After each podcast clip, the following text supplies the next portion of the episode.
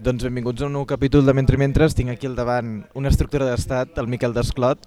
Uh, Proa li ha publicat, i abans ho dèiem, uh, set comèdies i un ballet de Molière. Avui el convidem a Mentre Mentres per parlar de Molière i tantes d'altres coses. Benvingut al podcast, Miquel. Moltes gràcies per avui acceptar la nostra entrevista. Gràcies a vosaltres per convidar-me. Ara dèiem no, que de Molière sempre costa parlar-ne i també és fins a cert punt dificultós um, fent una espècie com d'introducció. Em parles en aquesta espècie de pròleg que has escrit per aquest volum de proa que va aparèixer en un aniversari també de Molière. Um, Diguem-ne que no és fàcil traduir Molière a Catalunya o com a mínim hi ha competència, hi ha estudis de recepció i com tu expliques s'hagués hagut de publicar tota l'obra completa per part de l'Institut del Teatre, això no va ser així, només va sortir el primer volum amb algunes de les teves traduccions, entre d'altres traduccions, però que dirigies tu. I ara surt aquest volum que com a mínim té una gran representació de les peces de Molière. Doncs mira, en efecte, aquest llibre apareix volgudament en el quart centenari de Molière perquè, bueno, perquè hi vaig pensar jo, no perquè hi hagi pensat ningú més, la veritat. Molière ha passat desapercebut, el quart centenari no, no s'ha celebrat.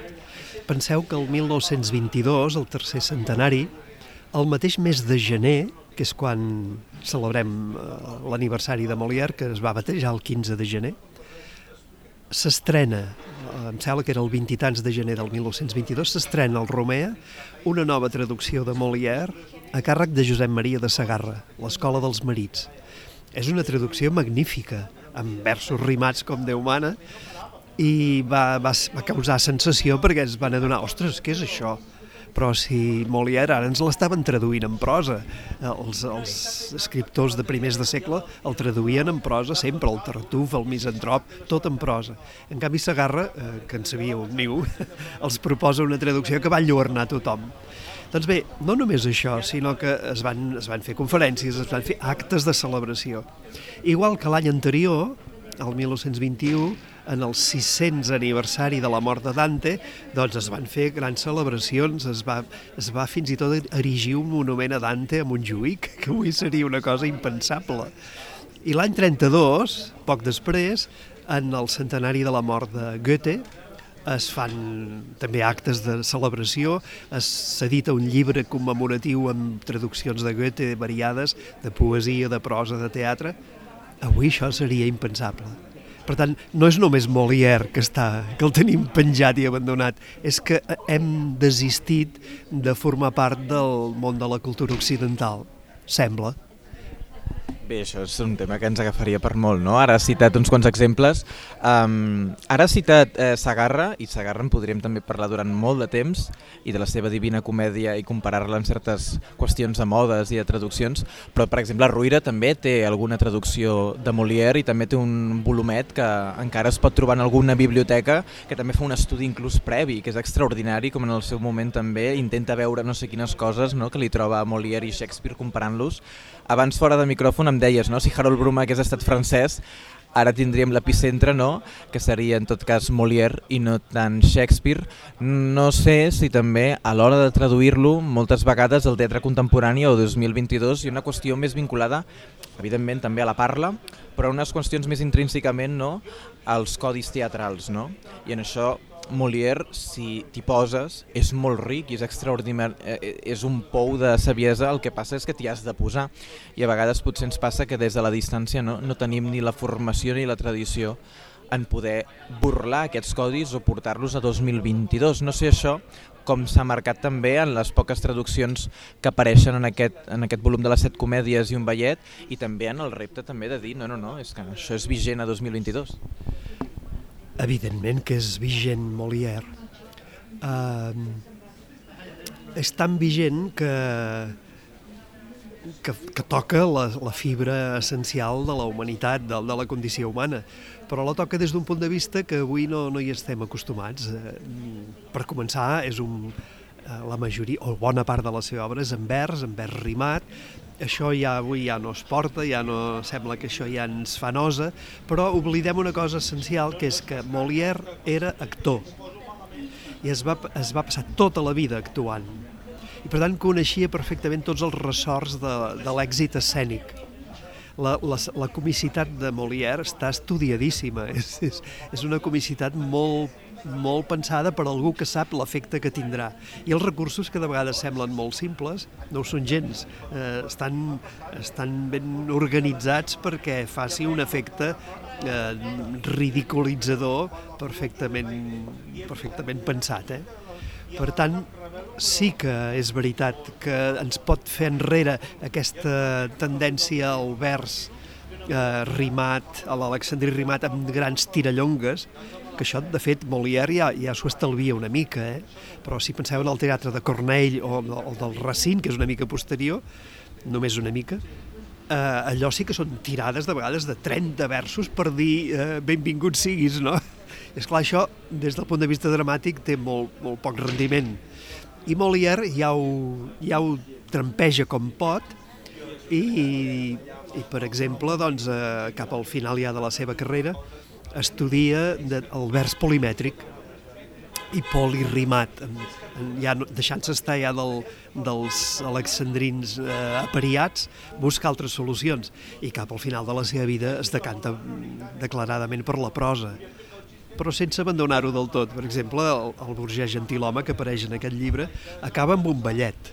Això és una cosa que s'inventa Molière. Eh, el, el rei, sabeu que Molière tenia molt bona entrada a la cort perquè a Lluís XIV li agradava molt a Molière com ho feia i li encarrega um, una obra que vagi de, de turcs que per poder fer un espectacle a la turca, perquè havien tingut una delegació turca en aquell moment i els feia gràcia eh, aprofitar i fins i tot riure's una mica dels turcs. I Molière inventa una cosa que és una comèdia on apareix un turc i aleshores hi fa una cosa que agradava molt a la cort de l'època, que és un ballet. És un ballet que aparentment no té gran cosa a veure amb l'obra, però és on fa sortir els turcs i fa sortir altres nacions, etc. S'inventa el gènere de la comèdia ballet, que després n'arribarà a escriure cinc o sis, col·laborant amb els grans músics de l'època, com eren Jean-Baptiste Lully o Marc-Antoine Charpentier. Això és un gènere inventat per ell, perquè si mireu les seves comèdies són de, de menes molt diferents també. De, hi ha farses, hi ha sàtires molt més serioses, eh, és a dir, que l'home treballa totes les possibilitats del teatre que se li acudeixen com a actor que era. I com a bon escriptor que era també, eh? perquè no oblidem que tot i que va madurant com a escriptor al llarg de la seva carrera, ell sap, sap escriure ja d'entrada, eh? no és un actor que, que surt del no-res i no, no, sembla que tenia una bona formació. No se sap d'on va sortir aquesta formació perquè no s'han posat d'acord els savis si va estudiar els jesuïtes a Clermont o si, o si no hi va estudiar, però és igual, comença ja la seva carrera eh, sabent escriure perfectament uns versos delicats, uns versos mm, que flueixen fantàsticament. Per tant, Molière l'hauríem de saber valorar en tota la seva dimensió i no només deixar-nos eh, eh, deixar-nos aturar pel tema dels versos alexandrins rimats. Deixem fer un apunt. A casa vostra hauríeu de fer una escola, igual que la Bloom o igual que el Laboratori de Lletres, de versificació i de vers i seríeu el pot de paller del vers de 2022 a la ciutat de Barcelona i a Catalunya i de la llengua catalana. Eh, et deia no, que he portat i tinc al meu costat una edició introbable, que és la que va fer eh, servir el, el, el Flotats, que és traducció del Bru de Sala. El Bru de Sala també va, va ficar-se amb això de la traducció, suposo també vinculat a, a aquesta representació que havia de fer el Flotats, també amb el Cirano, aquí tenim el Molière del Misantrop. Clar, eh, no sé fins a quin punt hi ha una vocació que això es representi i dit això és molt senzill, no? però en aquest cas sí que hi havia literalment l'encàrrec de que això representarà uns actors, tu has treballat amb aquestes condicions, però en aquest cas no. I per tant m'imagino també fins a cert punt no? que la lectura eh, també et permet no, fer un text ja no només pensat per una futura representació, sinó també per la lectura, encara que això, evidentment, no, comporta certes, no sé fins a quin punt, decisions que, com a mínim, pots prendre tu i no el director que toca. Sí, és que no, no tan sols tenim el, la mancança que Molière ja no es representa a Catalunya, quan el segle passat s'havia representat bastant, i en particular fa un segle, sinó que a més a més no es pot llegir en català. Tu vas a la llibreria a buscar traduccions de Molière per llegir-les en català i pràcticament no hi ha res, no es troba res. Per tant, hi havia, hi havia una feina a fer que era oferir el Molière per ser llegit, però també per ser representat. Per tant, la meva idea, com que la primera peça que vaig traduir de Molière va ser per encàrrec del Teatre Lliure, ja la vaig pensar perquè es pogués representar, es pogués representar dignament. Penseu també que el director em va dir fes-me-la en prosa. I jo vaig dir no, en prosa no perquè Molière no la va fer en prosa. Eh, doncs en vers però sense rima. Dic home, però és que ell la va fer en rima. I al final jo vaig fer el que vaig voler vaig fer en, en vers rimat i va funcionar. Per tant vol dir que ja va funcionar eh, en, en escena quan m'he plantejat les altres me les he plantejades igual, que puguin funcionar a l'escena, però que alhora es puguin llegir com a literatura que és i que per tant pugui servir tant al lector com a l'espectador teatral o com al director teatral l'hipotètic director teatral que s'interessés per fer Molière avui. Jo he fet un Molière ajustat tant com he sabut al text original, però és clar, rimar comporta sovint llicències. T'has de, has de fer coses eh, de vegades marrades, petites, però en general més senyit escrupolosament el que diu ell vers per vers. Eh? Per tant, es pot llegir com a literatura, però alhora es pot representar en escena. I dèiem, no?, fins a quin punt, i això ja se n'ocupen els estudiosos, hi ha una qüestió riquíssima. No sé fins a quin punt també ens podries fer algunes píndoles i una qüestió estructural importantíssima també. No sé si també ens podries fer unes píndoles pel que fa a l'estructura del que planteja, per exemple, el Misantrop o un Don Joan o el Tartuf. I després pel que representa també eh, algun dels, diguem-li, soliloquis o mm, monòlegs dels protagonistes que també són rics per les estructures internes que reprodueixen en algunes d'elles. Sí, ara no sabria què dir-te sobre aquest tema. Uh, L'estructura per exemple, en un anfitrió, que és la primera que vaig fer, eh, s'assenyeix tan, tan, no diria rígidament, eh, però tan pròximament a Plauta, que quasi no li cal fer res. Penseu que Molière, com Shakespeare, es troba els, els arguments, se'ls troba ja escrits. L'únic que ha de fer és vestir-los amb unes paraules que són emocionants i que són personalitzades. Eh? La gràcia és aquesta. A la resta, és clar, l'estructura pateix sovint d'aquesta herència del teatre del teatre de Cornell, per exemple, o dels Cornell, que l'obliga a aquelles tirallongues, la, la, la, la tradició era aquelles tirallongues perquè per dir bon dia es passen 12 alexandrins rimats, no? I això, esclar, des del punt de vista dramàtic té molt poca efectivitat.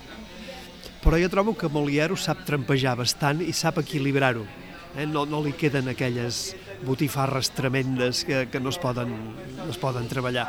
Penseu que Molière, com a actor que era, ja va representar Corneille, ja va representar fins i tot el primer Racine, per tant, tenia aquesta herència a la sang, la portava, la portava a la seva feina i com que ell sabia l'efecte que tenia això en escena, ja intenta trampejar els inconvenients que li comporta. Abans parlaves de Gacini Cornell, Uh, clar, jo tenia una conversa fa poc amb un, uh, amb un editor que em deia uh, que no tenia cap tipus d'interès, per dir-ho així, en publicar, crec que ho va dir en aquests termes, doncs aquests, no? Bàsicament perquè deia que no els vendria, no? I que per això abans fer un Shakespeare, que encara que sigui teatre, encara en vendrà algun. Em sembla forçament interessant, no?, a, qüestió de recepció 2022, les dificultats que hi ha algun tipus d'autors, eh, però tenim més coses sobre la taula, no només has traduït eh, del francès o en aquest cas penso en el Petrarca, i déu nhi també la taula que tenim aquí ocupada. Abans de deixar el Molière tinc també aquestes edicions, que això també a vegades ens claudica i ens fa pensar força, no? però com de difícil és consultar a vegades també alguns dels clàssics, però mira que bé que ho faran a França. He portat l'impromptu de Versalles perquè ara que s'està fent l'Ofingido Verdadero de Lope de Vega a Madrid i que sembla que vindrà a Barcelona, com a mínim ells ja fan aquesta promoció no? a partir de que l'impronto de Versalles, Lo fingido verdadero i el Hamlet no? formen part d'una trilogia, per tant marxaràs d'aquí com a mínim amb un encàrrec que t'enviem des de Mentre Mentres que has de recuperar l'impronto de Versalles i fer-nos arribar al català, bàsicament també perquè dona una capacitat molt fàcil per entendre d'adaptació 2022, que és aquesta qüestió del teatre dins del teatre. Per tant, ja llenço ja la proposta i espero que tant de bo puguem consultar-ne. Però d'aquest volum, que dèiem no, que sempre costa fer promoció d'aquests llibres, um, Déu-n'hi-do també, a proa, totes les traduccions que s'han anat acumulant. Penso en la tria d'obres shakespearianes, el Petrarca i ara aquest. Sí, déu nhi i és, també és un risc, però esclar, un gran clàssic sempre és un gran clàssic, sempre és un autor de fons i a l'editorial no em van posar cap problema. Penseu que el Petrarca jo ja l'havia compromès amb l'editorial en temps de l'Isidor Cònsul, per tant ja fa molts anys, però com que em va costar tant d'acabar-lo perquè és que era un, Eh, era una empresa tan gegantina i tan ximple que costava d'acabar-la, sobretot per raons mm, de finançament, eh, bàsicament. No, perquè, perquè cada sonet em costés tres dies de feina, que de vegades ja me'ls costava, eh? Però, esclar, això va comportar molta, molta feina. El Shakespeare va sortir de la manera més increïble. Quan jo estava acabant el Petrarca, ens vam adonar que estàvem en l'any Shakespeare, era el 2016 i cuita corrents dic a l'editor, dic, escolta, eh, s'està acabant l'any Shakespeare i jo tinc cinc Shakespeares aquí i quan vaig acabar l'última paraula del pròleg del Petrarca em vaig posar a preparar immediatament l'edició de les cinc peces de Shakespeare. I evidentment doncs eh, s'hi va venir l'editor i els va editar, però ja era el gener del 17 i ja va passar, ja va passar sense pena ni glòria el record de Shakespeare per part de l'editorial, però en fi. Aprofito també per dir que és un volum que està descatalogat o que com a mínim la distribuïdora considera descatalogat perquè l'altre dia vaig estar investigant, per tant animem a la reimpressió immediata no sé si ho sabies pel que veig, però sí, sí, està descatalogat eh, per la distribuïdora, per tant que el reimprimeixin immediatament perquè el puguin consultar, perquè també dona primer la seguretat de tenir un seguit d'obres i després que no val el preu dels volums més grans i potser tampoc són les obres que interessen, com per exemple aquest eh, volum eh, magnànim del, del Joan Seient. Uh, dit tot això, i que també és cert que abans em deies que no us heu trepitjat amb el Seient, cosa molt interessant també, um, hi ha una qüestió d'estil que també et volia demanar, que demanem normalment quan algú ve a Mentre Mentres. Eh, jo consultant Molière eh, a Madrid o s'ha publicat en castellà traduccions super planxades, molt planxades, gairebé d'un llenguatge que podria ser televisiu. Um, en català sempre ens costen aquestes qüestions i problematitzar o sempre intentem parlar amb traductors per la qüestió d'estils i per les qüestions vinculades. Clar, aquí hi ha una representació teatral, però fa poc veiem a l'Anna Casasses i també li preguntàvem per la col·localitat o com no, escriure llenguatge col·loquial en català. No sé què ens pots dir, eh, ara que has traduït aquest Molière, les dificultats o les autocensures, si existeixen, en qüestió d'estil, de traduir a 2022? El que passa és que traduint un clàssic eh, t'has de plantejar altres temes també, que és quin dret tinc jo a planxar un clàssic com Molière o com Shakespeare és a dir, té sentit fer Romeu i Julieta planxant tota la, la filigrana lingüística que hi ha al darrere, que n'hi ha moltíssima, doncs jo, si em demanen que el planxi, jo diré que ho faci un altre, perquè jo m'estimo massa el text original per fer una cosa així. Jo, jo m'estimo més acostar-me a l'estil original. I per tant, sí que és veritat que he intentat un llenguatge no, no tan noucentista com, com per exemple Joan Oliver fent Molière. Des d'una de, des certa naturalitat noble del català d'ara he intentat donar aquesta noblesa en la dicció. Sí que és veritat que hi ha personatges que són més, eh, més plebeus, per dir-ho així, que poden parlar d'una manera més, més eh, clara, més fluida, més però jo intento acostar-me al que fa l'autor i em sembla que és el que, el que, és, el que cal fer, no? I després hi ha els, els, els directors de teatre, si no ho volen així, buscaran una altra traducció, si volen.